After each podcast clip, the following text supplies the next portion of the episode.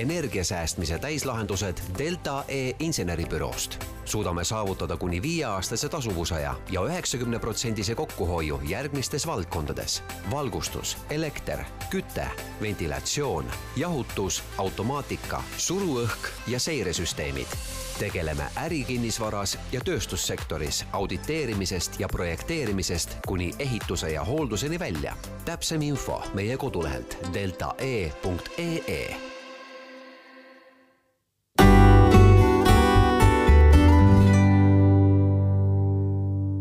tervist, head kuulajad, olete asunud kuulama saadet Rohepööre, mina olen saatejuht Haavet Kase. täna on mul külas Martti Arak, Delta E inseneribüroo üks juhatuse liikmetest, üks asutajatest. tere, Martti! tervist! inseneribüroo juba mulle kõlab keerulisena, et mida te täpselt teete. räägi paari sõnaga, mida Delta E endast kujutab Delta inseneribüroo siis keskendub täna energiaressursi tõhususe täislahenduste realiseerimisele. mulle meeldib seda kirjeldada kui sellist ütleme kolmedimensionaalset ärimudelit, et et meil ei ole vahet, mis ärikinnisvara objektiga me tegeleme, on ta tootmine, tööstus, haigla, kool või büroohoone või kasvõi hotell ja, ja teine pool on siis see, et meil on täielik tegevuslik ahel, alates auditeerimisest, mõõtmistest, projekteerimisest, lõpetades tarne, paigalduse, hooldusseerini välja ja kolmas osa on, see kolmas dimensioon siis on valdkondlik katvus. kõik, mis puudutab põhimõtteliselt energeetikat, elekter, valgus, küte, ventilatsioon, jahutus, tööstusspetsiifilised suruõhk, seiresüsteemid, hooneautomaatikasüsteemid, päikeseenergeetika, et et kõik, kus see energia mängib mingisugust rolli, siis need teemad on meil täna, täna valdkondadena ära jaotatud, kus me siis seda kokkuhoiuprojekti nagu teeme. ja nagu me jõudsime just äsja korraks ka rääkida, siis eh, energia on väga-väga teemas just viimasel ajal, sest eh, elektri hind teeb mingisuguseid eh, kergejõustikualasid. tõsi, tõsi ta on jah, et kui õnnestus ka ma mul täna ühte, ühte saadet sellel teemal ka just nagu kuulata ja, ja, ja olles uudiseid jälginud, siis me teeme vist mingi kolmandat-viiendat päeva siin absoluutseid rekordeid. elektri hinna megavatt-tund küündib siin sada viiskümmend eurot pluss, eks ju, kui ta siin ikkagi varasemalt olenevalt äh, hoonest, kinnisvarast, objektist on võib-olla nelikümmend eurot, viiskümmend eurot on ju, kes, kes pinge peal võib-olla gramm isegi madalamal on ju et, et ma arvan, väga paljud on oma arvetel seda muutust juba nagu näinud ja see tuleneb nii, ütleme siis maagaasi hinna tõusust kui ka CO2 kvootide nagu kasvust või noh, hinnatõusust samamoodi. aga ütleme, et ega see energiahindade tõus ei ole ainukene asi, miks energia kokkuhoid on nagu väga paljudel prioriteetne. teine teema on kõik see, mis puudutab, eks ju, rohepööret kui üldist, eks ju, energeetika ka hoonete, tööstusprotsesside mõttes on väga tähtsal kohal eks äh, transpordisektor on üks ja ütleme, ma ei tea, liha söömine on teine, siis energia on ka seal nagu üks prioriteetide hulgast onju ja kolmas on ka see, et tegelikult meie valdkond hästi tugevalt ka haakub igasuguse, ütleme siukse sisekliima tagamisega. et äh, kui kord on palav ja kolm on külm, kord on külm ja ventilatsioonisüsteemid korralikult ei tööta, siis noh, pandeemia andis ka seal väga selged nagu vihjed juhtnöörid kätte, et mis siis juhtub, kui meil süsteemid ei tööta nii nagu peavad onju selline jah, energia hinna tõus noh, teeb tõesti nii suuri hüppeid, et seda märkab nii tavakasutaja ja rääkimata siis ärikinnisvara omanikest, kes noh, kasutavad natuke rohkem. võtaks need delta E kolm dimensiooni ette. nagu ma aru saan, siis põhiline märksõna on ikkagi energiasäästlikkus ja energiasäästlikkus just siis ärikinnisvara poolelt täpselt nii, et see on ikkagi meie nagu selline põhi, põhifookus ja ressurss on ju. et me oleme keskendunud täna teemadele, kus on võimalik saavutada tasuvusaega alla viie aasta. kõik need valdkonnad, mida ma ka mainisin, seal on see võimalik, see oleneb hästi palju objektist, sellest algolukorrast, kui hästi ta on hooldatud, hallatud, eks ju, aga suurusjärgus alla viie aasta ja seda siis tegelikult energiahindade juures, millega me oleme siis harjunud elama võib-olla viimased viis aastat, kümme aastat on ju kuna see tõusutrend on nagu hästi tugev, eks ju, ja siis see tähendab seda, et kui see elektri hind on täna tõesti nagu mõnel juhul arvetena viiskümmend protsenti kasvanud, siis tegelikult see tasuvusaeg tuleb sealt veel oluliselt, oluliselt allapoole. et selliste hindade juures on võimalik juba teha ärikinnisvaras projekte, mille tasuvusajad võivad jääda isegi kolme aasta kanti, mille raha tootlus võib olla mitmeid kümneid protsente, kordades parem kui võib-olla mõnel põhiäri ise, et et, et, et, et jah, energia kokkuhoiu mõttes kõik need valdkonnad vajavad tegutsemist, vajavad kaardistamist, vajavad projekte, vajavad investeeringuid, et varem või hiljem võtamegi siis ette ärikinnisvara, et seal on noh, väga palju erinevaid variante, mis see täpsemalt olla võib. ole hea, too mõned näited, kes on Delta E kliendid ja, ja mis sinna ärikinnisvara alla kuulub võtame siis mõned äh, segmendid, eks ju, et äh, jagame kõigepealt võib-olla, võtame siis ühe, on kõikvõimalik kohalik omavalitsused, kes vajavad igasugust nõu ja lahendusi, et äh, et meil praegu näiteks käib tihe koostöö just näiteks Rae vallavalitsusega, siin mitmeid objekte auditeerime ja ja, ja, ja avalikust sektorist võib-olla haiglad, Keila haigla, Põlva haigla, Võru haigla, oleme ka tegelikult PERHi, TK ja, ja ka Tartu Ülikooli Kliinikumiga koostööd teinud logistikakompleksid, hea näide on võib-olla Via 3L, üks, üks päris hea edulugusid. ja on ka erinevaid büroohooneid, hotelle, kaubanduskeskuseid, spaasid, et, et tegelikult jah, vahet ei ole, energiat tarbivad nad kõik ja neid projekte on võimalik igal pool teha kui nüüd ärikinnisvara omanik või juhtkond või kes iganes see on, leiab, et nemad kavatsevad ka ikkagi Äh, säästma hakata ja, ja tahavad kokku hoida, siis äh, nad pöörduvad Delta E juurde ja kuidas see ahel siis toimuma hakkab, et äh, see teine dimensioon on selline täielik teenuste ahela pakkumine ja, ja millest te alustate? üheksakümmend viis protsenti juhtudel tehnilisest auditeerimisest. Et standardauditit minu hinnangul energia kokkuhoiu eesmärgil teha ei ole mõtet, see on aja raiskamine sest kui me võtame määruse järgi energiaauditi kui sellise, siis äh, seal pole defineeritud, kui sügavuti peab minema ja pole ka need valdkonnad defineeritud ja pole ka ütleme, see detailsuse aste defineeritud. mis tähendab seda, et see on lihtsalt audiitori nagu ütleme siis suva ja pädevuste piirides, kui hästi seda tööd tehakse. seetõttu me nagu seda tööd üldse ei tahagi teha. me oleme loonud oma teenuse selle jaoks, me nimetame seda energiasäästmislahenduste auditiks me konstanteerime neid fakte nii vähe kui võimalik, nii palju kui vajalik, teeme kõik, eks ju, mõõtmised, tasusarvutused, detailkaardistused ära, millest viimases me lähmegi nagu hästi süvitsi, et võtamegi elektri mõõtmise, suruõhu, kütteventilatsiooni, jahutuse, hooneautomaatika insenerid, kes võtavad selle kogu objekti täiesti pulkadeks lahti. Kaardistame ära iga viimse kui agregaadi, valgusti, automaatika, ma ei tea, kilbi, juhtsüsteemi ja nii edasi ja paneme selle pealt tegelikult selle probleemide listi nagu kokku. ja siis töötame välja reaalsed lahendused ja põhjendame neid majanduslikult, ehk siis teeme kogu tasusarvutused sinna juurde. sellest hakkab äh, enamus juhtudel asi alati pihta. kui seda pilti ees ei ole, kui mõõtmisi pole tehtud, siis esiteks ei saa midagi nagu põhjendada ja teiseks noh, hästi palju on tulnud seda tagasisidet turult, et ega mida ma ikka auditeerin, see mulle kokku ei hoia, onju. aga kui sa tahad lahendust, lahendus on vaja mingisugusel kujul välja töötada, eks ju, siis ei ole seda, mis lahendused need on ja mis nende tasuvused on, need on mul juba enne auditit teada. teha viisteist minutit ringkäiku ühes objektil, hoonel või kõik tasuvusajad, investeeringunumbrid ära öelda, ei ole probleemi. see on teada, nüüd tuleb asjad välja töötada. ja selle jaoks ongi see audit nagu mõeldud, et esiteks saaks pildi ette ja teiseks saaks lahendus laual. Sellest hakkan pihta ja sealt läheb ju tegelik sihuke loomulik rada pidi. edukaks saavad need, kes realiseerivad, ütleme mida rohkem lahendusi nagu korraga, äh, seda suurem on efekt ja seda parem on neid ka hiljem seirata, ehk siis järgmiseks etapiks ongi projekteerimise ehitus ja siis on kõige viimane osa, on tegelikult raporteerimine ja tehnooldus, mis peavad olema selles mõttes korralikult tehtud ja kindlasti digitaliseeritud ja järjepidevad. et üks asi on see, et mida me paberile arvutame, mis see tasuvus võiks tulla või rahatootlus, teine asi on see, mida reaalselt saavutatakse ja see vahe seal nüüd liiga suur ei tohiks olla, onju et selline on see, ütleme, järjekord mm. -hmm. siia vahele on äh, hea küsida, et äh, kes Delta E-s töötavad ja kui palju teid on ja nagu ma aru saan, siis kõikide nende projektide etappide jaoks on olemas ikkagi oma spetsialist? absoluutselt, väga õige tähelepanek. Et meid on kokku täna kakskümmend circa, umbes täpselt ja värbame inimesi juurde raske leida, aga püüame hakkama saada, ehk siis mida meil, mis meil majas siis on, on äh, just insener-tehniline know-how, äh, kõik, mis puudutab projekteerimist, projektijuhtimist, programmeerimist, seiret. Äh, meil ei ole, ütleme, suuri, ütleme siis tehnikupaigalduse brigaade, selle osa me ostame tegelikult kõik sisse. et me töötame ise selle lahenduse välja, me ise tarnime, me projektijuhtimise teeme kogu paigalduse osas ja tegelikult ka siis pärast seda asja nagu seirame kogu dokumentatsiooni poole, et et jah, te-, meil on küll üks tehnik on, aga ütleme, suuri brigaade meil ei ole, et suured tööd me ostame kõik sisse, et.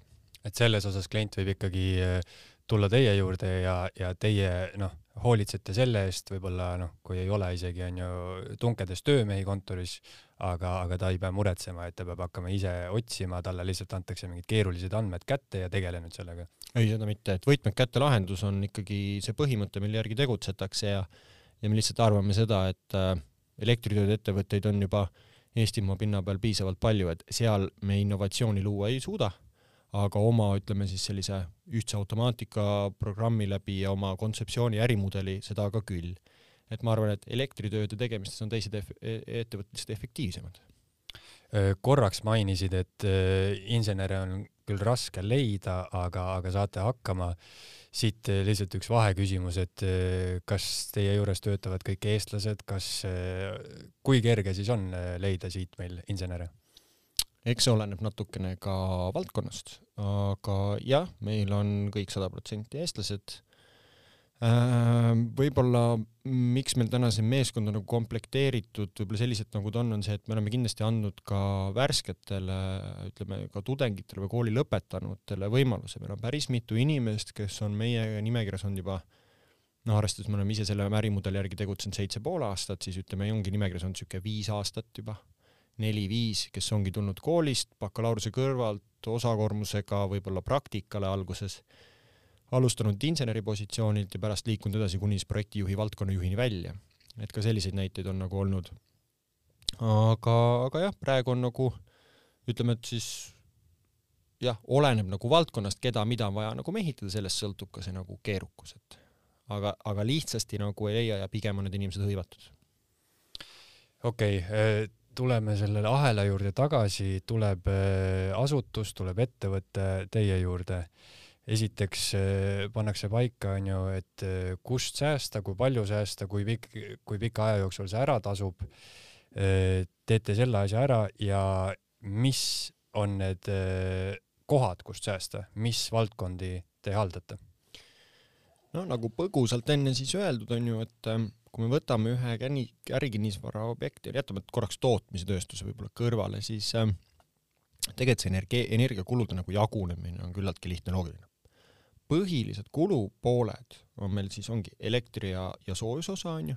soojus on, ehk siis meil on vaja hoonet kütta, eeskätt talvel, meil on vaja, meil võtab sooja ka ventilatsiooni, võtab tarbevesi.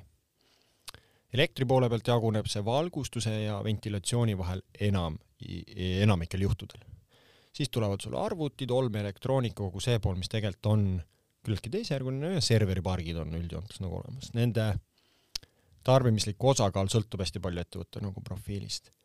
aga ütleme niimoodi, et noh, soojuse poole pealt sada protsenti, elektri poole pealt võib-olla kaheksakümmend üheksa protsenti, kaheksakümmend üheksa protsenti on see osakaal, mis on meie poolt nii-öelda nagu targetable, ehk siis seda me läheme nagu jahtima, eks ju, sealt me lähme neid tükke nagu ära saagima.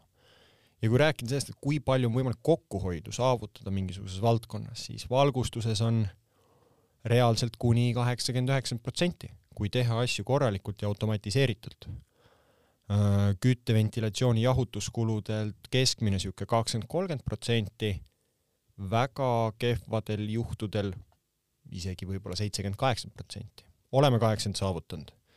Aga seda ongi juhul, kui noh, süsteemid töötavad kakskümmend neli seitse, mingit automaatikat ei ole, juhtimist pole, halduspersonali pole, süsteemid on väga ebaefektiivsed, on ju, töötavad elektriküttel, on ju, ja nii edasi, et noh, neid olukordi leiab ka. Ja ütleme, et noh, ärikinnisvaras võtame ühe büroona, siis need ongi sellised nagu põhilised kohad ja, ja, ja hästi oluline on mõista nagu seda, et et üks asi on nagu see primaarenergia pool onju, et a la, et me toodame oma sooja siin gaasist või oleme kaugküttel onju ja mis sõl-, millest sõltub siis see, et palju üks megavatt-tund maksab. aga nüüd see, palju me neid megavatt-tunde nagu tarbime, seda haldab ikkagi keskne automaatikasüsteem ja see on võtmesõna. see on võtmesõna mis tahes hoones mis tahes süsteemiga. ja meie võib-olla kõige suurem erisus siin turul on see, et meil on platvorm, kuhu me toome kõik sisse, ehk siis olenemata süsteemi osast, kõik küttekehad, jahutuskehad, äh, kõik ventilatsiooniagregaadid, eripunktid, kogu valgustus, kogu mõõtmisseiresüsteemid, vajadusel tööstuses suruõhukompressorite jääksoojuse jaoks mõeldud klappide reguleerimine näiteks. jääksoojuse reguleerimine kuskil spaades. et sul on üks platvorm, mis on, kust pannakse peale kõik siis juhtimisparameetrid mis temperatuure millal hoiame, missugused ajagraafikud meil seal on, missugused alarmid meil on, on ju, kas me kasutame mingeid erifunktsioone nagu ma ei tea, öötuulutus ja nii edasi. selle toome kõik ühte kokku, et sul on üks platvorm, äh, kus sa oma hoonet nagu haldad, et me nimetame seda tasapisi, lähme sinna nagu ühe nagu hoone digitaliseerimise valdkonda ka natukene. ja sellised need kokkuhoiukohad on ja lõpuks on jah see, et automaatikasüsteem määrab selle, kui palju tegelikult mingi asi tarbib kui ma hästi lihtsustatult äh, nüüd sinu jutule mõtlen, siis äh, millegipärast mul on kerge ette kujutada just äh, soojustuse ja kütte koha pealt kokkuhoidu, et noh, kujutad ette sellist kolme põrsakese maja kehvade akendega, mis sooja ei hoia ja köetakse nii-öelda õhku. aga kui mõelda nüüd noh, kasvõi selle hoone peale, kus meie oleme, kontorihoone peale, et siis just see arv, mis sa mainisid, kaheksakümmend, üheksakümmend protsenti elektrikuludelt kokku hoida, see tundub mulle selline metsik. Et noh, siin meil on ju noh, lambid põlevad, arvutid töötavad, aga, aga sellist tööstuslikku elektrikulu nagu ei ole. Oma kogemuse põhjal, mis koha pealt kõige rohkem kokku saab hoida või, või mis siis Eesti selliste hoonete puhul nagu kõige nõrgem koht on? Esimene kommentaar on see, et ega sa kogukulust kaheksakümmend protsenti kindlasti kokku ei hoia, et see on nagu valgustusele kuluvast energiast kaheksakümmend, et seda on nagu võimalik, onju. aga kogu hoone kulust kindlasti mitte, et see on nagu, oleneb nagu just sellest valdkonnast ja valdkonna osakaalust sa hoiad mingisuguse osa kokku. Äh, kui ma tulen tagasi kolme põrsakese juurde, siis äh, meie äris on hästi oluline nagu teha vahet sellel, et ma ise defineerin seda nii, et äh, meil on nagu energiatõhususlahendused ja energiasäästmislahendused tõhususlahendused äh, tekitavad sellise olukorra, et kui sul on majas sees on pluss kakskümmend ja väljas on miinus kakskümmend, siis äh, su hoone konstruktsioon ja kõikide oma süsteemidega defineerib selle, kui tõhus su hoone lõppkokkuvõttes on, ehk siis mitu ühikut energiat sa kulutad selleks, et see nelikümmend kraadi siis seda temperatuuri tõsta, onju. nüüd, äh, et kui sa nagu soojustad ära oma hoone paned paremad aknad, siis tegelikult see energia hulk väheneb selleks, et seal sees pluss kahtekümmend hoida. Äh, kõik need lahendused, mis puudutavad hoone ehituskonstruktsioone, need on üldjoontes väga kallid, need on ruutmeetri kohta väga suurte investeeringutega. Nende kokkuhoiuprotsendid on umbes sarnased nagu näiteks hoone automaatika rajamisel, aga see tasuvusaeg on neli-viis korda pikem võib-olla kakskümmend aastat, võib-olla kolmkümmend aastat, äh, oleneb situatsioonist. ja nüüd hooneautomaatika näiteks seevastu, kui seda võrrelda, siis see investeering on kordades väiksem ja see efekt on umbes sarnane. et mida kulukam on hoones kõrgendatud temperatuuri hoida, seda suurem sääst tuleb sellest, kui me ei hoia kõrgendatud temperatuuri siis, kui me selles ruumis ei viibi. ja see, see on hästi oluline vahe, et me nimetame nagu energia säästmislahenduseks seda, kus me paneme hoone oma tehnosüsteemidega tööle vajadusele vastavalt. ehk siis hästi vajaduspõhiselt, ruumipõhiselt võimalusel, seadmepõhiselt, äh, tehnosüsteemipõhiselt, et seal on see, et see raiskamata või kulutamata megavatt-tund on alati oluliselt väärtuslikum ja parema tasuvusega kui, äh, kui, kui ütleme, niisuguse välispiiridesse investeeritud nagu euro puhul. et seda on nagu äh, siinkohal jah, hästi-hästi, ma arvan, oluline nagu mõista, et meie pool on pigem jah, lahendus, kus tasuvusajad on nagu alla, alla viie aasta. ja seda võib siis nimetada ilmselt äh, automatiseeritud kolmepõrsakese majakeseks.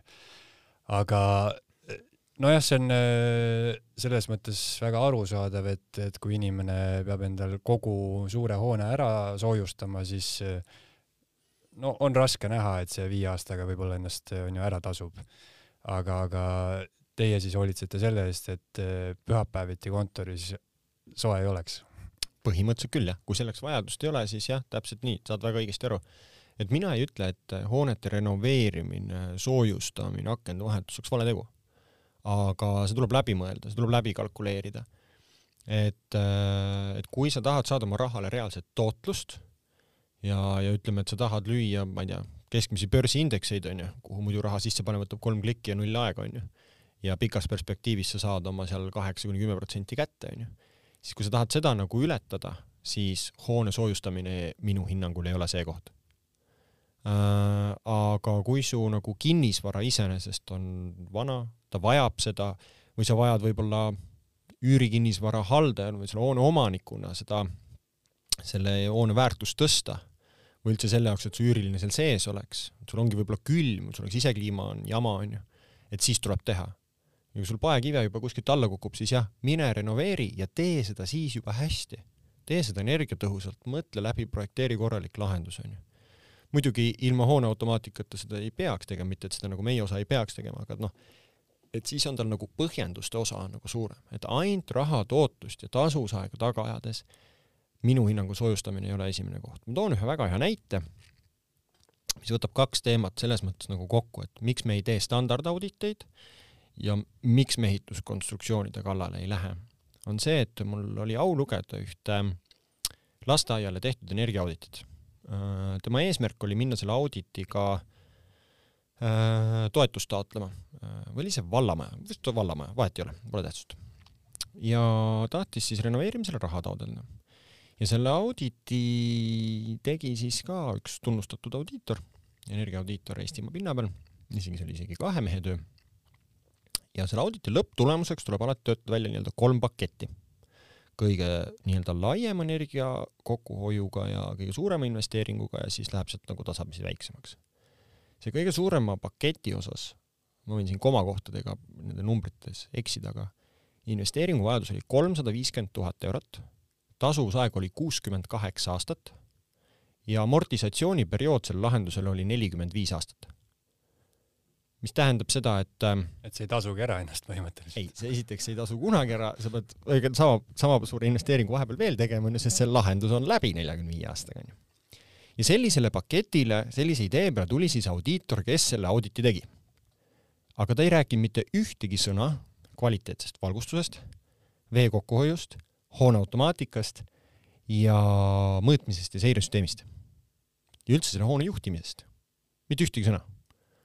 Äh, valgustuses oli vist ainuke asi oli see, et äh, hõõglambid või, või need luminofoorid oleks mõistlik vahetada LED-torude vastu, kus see kokkuhoid on niisugune nelikümmend, heal juhul viiskümmend protsenti, mitte kaheksakümmend, üheksakümmend, mida muidu on võimalik saavutada. ja see oli siis tema selline pakett, on ju, see kõige parem pakett oli seal tasuvusega vist kakskümmend kaheksa aastat äkki et põhjus, miks vald seda maja tahtis renoveerida, oli see, et ta oli ilmselgelt lihtsalt vana, onju. Aga see nagu minu hinnangul tõestab selle fakti, et esiteks sellist auditit pole kellelegi vaja, sisu poole pealt. kui sul juhuslikult ei ole vaja mingi meetme jaoks linnukest või toetuse jaoks, jumal teab, mingit dokumenti, onju. aga noh, täna nagu avalik sektor oma sellistes meetmetes raha jagamisel nagu toetub sellele määrusele, mis on ise loodud, onju. ma olen isegi käinud äh, teatud ministeeriumites rääkimas sellest, et sellel ei ole mõtet, noh, see tuleb teha natukene selgemaks, konkreetsemaks, seda määrust tuleks natuke ümber teha, onju. Ta ei taga täna eesmärke. et, et, et siiani ei ole seda sellisel kujul nagu juhtunud. Ja, ja et jah, kinnitab nagu kahte asja, et esiteks jah, seda dokumenti sellisel kujul ei ole vaja. Ja teiseks ka see, et, et isegi kui see nagu täislaks kõik ära teha, onju, siis rahaliselt see ei ole mõistlik. Jah, siit eh, jutust koorubki välja võib-olla selline laiem ühiskondlik eh, rohepöörde küsimus, et eh, enne mainisid teie klientide hulgas haiglaid, omavalitsusi. kuidas, kuidas Eestis selle, just sellise automatiseeritud energiasäästlikkuse nagu tead, teadmistega on, et, et teie oma klientide põhjal kindlasti saate mingisuguse üldpildi ette, et kes läheb sellega rohkem kaasa, kas riigisektor või erasektor, sest noh, riigi, riigiettevõtjaid on teil klientide hulgas, aga, aga sinu jutu peale on väga kerge ka ette kujutada mingisugust äh, vallamaja, kus tehakse asju nii-öelda väga iganenud arusaamade järgi ja tulevadki sellised auditid, kus tegelikult asi ei tasugi ennast ära? küsimusel oli päris mitu küsimust, ma püüan, püüan need meelde jätta ja otsast hakata vastama, et esiteks võib-olla kõigepealt kommenteerides seda automatiseerituse, digitaliseerituse astet, et et noh, tegelikult ta päris aus olla madal, on ju.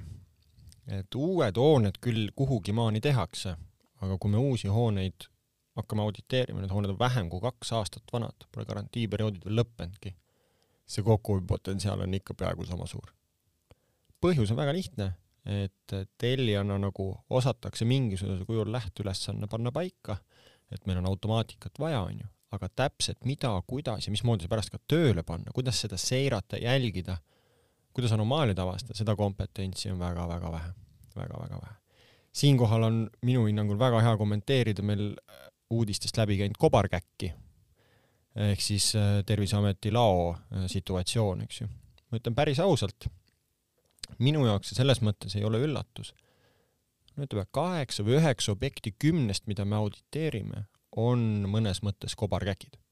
see, et jahutus töötab ühtemoodi, põrandaküte töötab jahutusele vastu ja seal pole isegi ühtegi termostaati, mis seda juhiks ja ventilatsioon teeb midagi kolmandat, on praktiliselt kaheksakümne protsenti, ma arvan, Tallinnas olevate büroohoonete või siis ka tööstuste või laokomplekside igapäevane elu.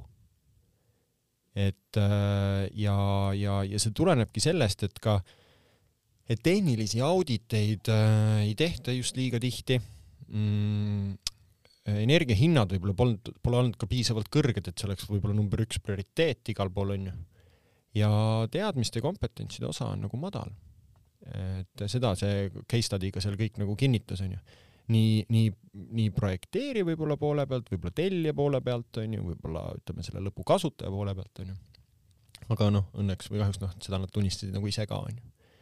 Et see digitaliseerituse nagu aste ja tase läheb nagu grammikene noh, kogu aeg paremaks, onju, uusi hooneid ehitatakse ja nii edasi, aga see nende süsteemidega lõplik tööle panemine, seiramine, see võtab ikkagi aega ja nõuab spetsialisti teadmisi nüüd, kui tuua selle sektorite kaupa nagu välja, et kes siis nagu rohkem vedu võtab või nende trendidega kaasa läheb, siis ma ütleks niimoodi, et ikka kaheksakümmend üheksa protsenti on erasektor. seal saab otsuseid vastu võtta Exceli baasil, tasub ära, mõistlik, teeme. Avalikus sektoris on täna niimoodi, et äh, alati on ressurssi puudu. alati on puudu äh, ajalist ressurssi, alati on puudu rahalist ressurssi Äh, asjad mõnikord sõltuvad äh, poliitikast. Äh, ja siis viimane asi on ka see nagu teadmiste pool, et ei osata võib-olla väga tihti ka hinnata seda, et, et tahetakse lahendust saada, ollakse nõus selle eest maksma, aga võib-olla maksaks nagu ühe protsendi enne seda investeeringut konsultatsiooniks, koolituseks, lähteülesande koostamiseks, selleks, et see lahendus pärast maksab võib-olla sada tuhat, võib-olla kakssada tuhat, saaks mõistlik, siis seda teadmist on vaja sinna veel täna viia et väga paljudel juhtudel me täna koostame erinevaid lähteülesandeid eh, just enne nagu ütleme, hangete protsessi, enne projekteerimisse üldse minekut. sest, äh, sest jah, lihtsalt ütleme nii, et minu meelest on see täitsa nagu loogiline, et üks vallaametnik noh, ei peagi oskama nagu a la spordivalgustuse väga spetsiifilisi, ma ei tea, telekaamera jaoks täpselt mingisuguseid indekseid panna paika, onju, ta ei tea seda. siit äh, tegelikult tuleb välja üsna suur valdkond ja üsna suur äh, kasutamata potentsiaal, äh, noh, riigi mõttes üleüldisemalt, et kui Eestile meeldib ennast nimetada e-riigiks igasuguste ütleme halduslike ja, ja bürokraati, bürokraatia asjaajamiste juures, siis tegelikult võiks ju olla nii-öelda e-riik ka hoonete mõttes, et selline automatiseeritud kokkuhoid. Võiks absoluutselt, miks mitte, et äh, eks ta sinnapoole nagu liigub, aga, aga kui täna peaks nagu ära kaardistama kõik hooned Eestimaa pinna peal, kus siis on mingisugune digitaliseerituse aste ja mingisugune automatiseerituse tase, eks ju, siis ma arvan ikkagi valdav enamus on üsna seal nagu väga algstaadiumis onju. ja, ja seda, seda teekonda on veel käia nagu väga palju, see turg on nagu päris, päris suur ja tegelikult on ka nii, et automaatikasüsteemid, mis on siin näiteks kakskümmend aastat tagasi ehitatud, noh, need täna minnakse kindlasti ümber tegema. et seal nagu ütleme, niisugust mingit ümberseadistamise asja nagu ei ole, et tolle aja tase ja praeguse aja tase on nagu öö ja päev. et jaa, teekond on veel pikk, kuhu poole minna, aga see on kindlasti võti säästlikuma tuleviku nimel. jah, siin võib väga kergesti ette kujutada siis äh, inimest, kes äh, ID-kaardiga küll äh, käib äh, köögilaua taga valimas, aga ta teeb seda kolme põrsakese majas, mis nii-öelda puhub tuult läbi. aga selle teadlikkuse tõstmiseks ongi tulemas üks suurejoonelisem koolitus. räägi, millal see koolitus toimub, kellele see on mõeldud ja, ja mida seal teada saab? ja et äh, me korraldame kolmeteistkümnendal ja neljateistkümnendal siis oktoobril energia ressursitõhususe alase koolituse nii ärikinnisvarale kui tootmise tööstusele, sellepärast ka kaks päeva. esimene päev on ärikinnisvarale, teine on siis tööstusele suunatud sihtgruppide mõttes. ja me oleme neid koolitusi tegelikult korraldanud täna kas kuuendat või seitsmendat aastat ja ma näen, et see on nagu ainukene võimalus, kuidas viia informatsiooni kasutajatele, otsustajatele, lõppteadjatele. et kunagi me tegime siukseid individuaalseid koolitusi, aga see oli üsna aja nagu mahukas, ebaefektiivne. siis nüüd me kutsume nagu inimesed äh, meie juurde, me tegime kunagi neid füüsilisi, no füüsilisi koolitusi suurtes auditooriumites TTÜ-s aga noh, see pandeemia pani selle osa nagu digitaliseerima, töötab ka digitaalselt väga hästi, et see on kaks päeva, saab kuulata seda osa, mis täpselt kedagi huvitab. ja jagatud on ta siis mõlemal, mõlemad päevad on põhimõtteliselt ütleme teemaplokkide mõttes sarnased, aga räägitakse siis konkreetsest spetsiifikast. Ja teemaplokid on meil siis alati, on esimene on valgustus, teine on küte, vent, jahutus ja kogu hooneautomaatika pool, kolmas keskendub elektrile, mõõtmisele, suruõhule, päikseenergeetikale ehk siis valdavalt sihuke kõik muu, mis puudutab elektrit. ja viimane osa on siis ütleme sihuke keskkonnahoid, jätkusuutlikkus, auditeerimine ja strateegiline lähenemine. tööstuse poole peal räägime veel spetsiifilisest ressursitõhususe programmidest, selle aasta kevadel üks lõppes, kokku jagati üle seitsmekümne miljoni euro ka tootmistehnoloogiliste investeeringute tegemiseks ja tulevad uued programmid järgnevaks viieks aastaks ja sellest juba koos näiteks Keskkonnaministeeriumiga teeme seal äh, ülevaate. ja selles mõttes äh, ma saan aru, et Delta E teeb ka sellist noh, nii-öelda musta tööd natukene, et võib-olla selle jaoks, et et tekiks rohkem kliente, tulebki tõsta sellist üleüldist teadlikkust teemast ja, ja noh, koolitus on selle jaoks äh, päris hea koht, ma ütleks, sest äh, ei saa ju süüdistada seda, seda vallavanemat, kes äh, lihtsalt ei tea, et saab teistmoodi.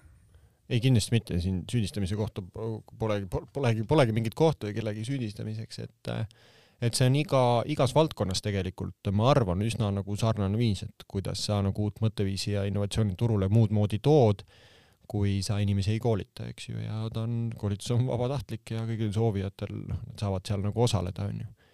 ja, ja kuulata seda, mida nad soovivad ja võtta seda infot sellisena, nagu nad soovivad, et äh, meil on need plokid ka selles mõttes huvitavalt üles ehitatud, et äh, meil alati tuleb, äh, kas tuleb rääkima siis nagu meie enda insener, räägimegi reaalsetest tehtud töödest, kuidas asju planeerida, oma kogemuse ja siukse nagu vaateprisma onju tulevad rääkima eksperdid väljaspoolt Tallinna Tehnikaülikoolist või siin, või siin mujalt ettevõtetest.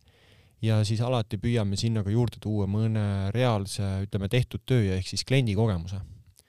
ja tulevad siis äh, üldjoontes meie erinevad kliendid rääkima siis, kuidas neil on need projektid läinud, mis on need tulemused olnud, millele nad sooviksid, soovitaksid tähelepanu pöörata, mida mitte teha, mida kindlasti teha, et sellised kogemuslood käivad asjaga alati nagu kaasas äkki sa oskad äh, mõlema päeva kohta tuua välja ka ühe hea näite, et ütleme, mina olen äh, mingi ala ettevõtja või siis ma olen äh, suurtootja ja, ja ma tahan, nüüd tekkis huvi ja ma tahan kuulata ühte loengut. mida sa soovitaksid? kui oleks valikus ainult üks, siis ma soovitaksin kuulata kõige viimast plokki. et seal me räägime laiapõhjalisest auditeerimisest ja nende kogemuslugudest see on kindlasti kõige väärtuslikum osa, ma isiklikult hindan.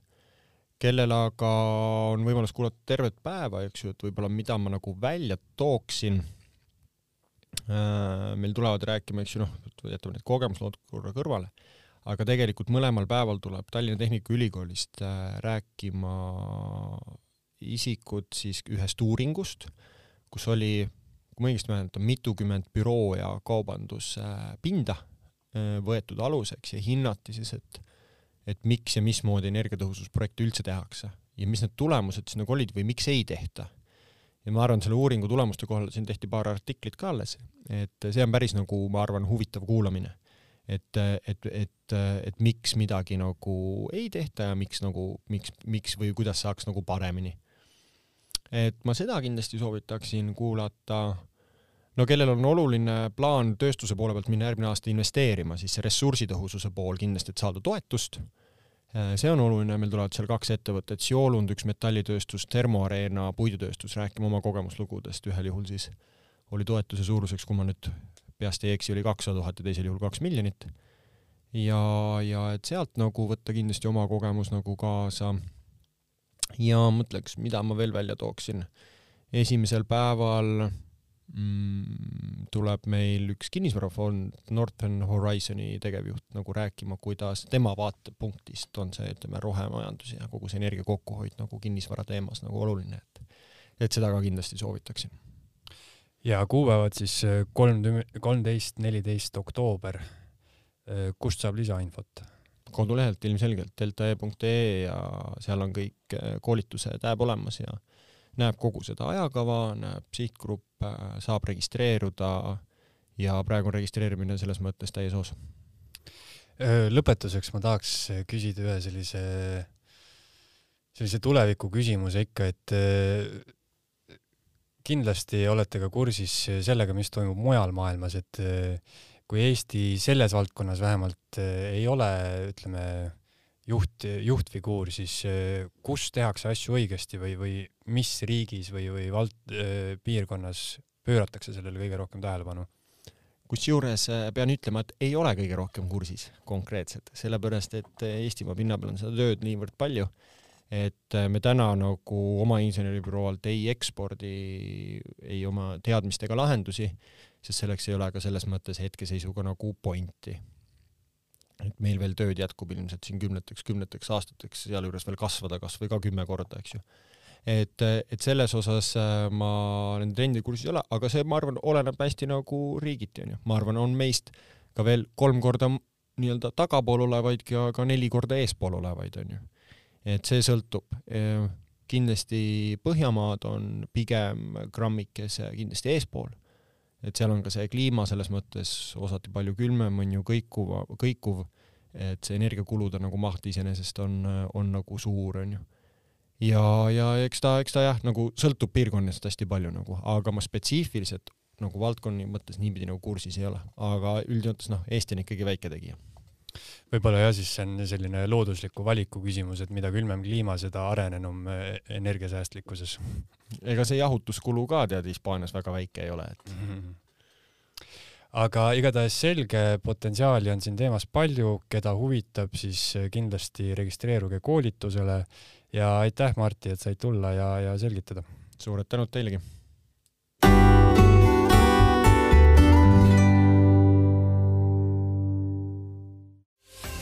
energiasäästmise täislahendused Delta E inseneribüroost. suudame saavutada kuni viieaastase tasuvusaja ja üheksakümne protsendise kokkuhoiu järgmistes valdkondades. valgustus, elekter, küte, ventilatsioon, jahutus, automaatika, suruõhk ja seiresüsteemid tegeleme ärikinnisvaras ja tööstussektoris auditeerimisest ja projekteerimisest kuni ehituse ja hoolduseni välja. täpsem info meie kodulehelt deltae.ee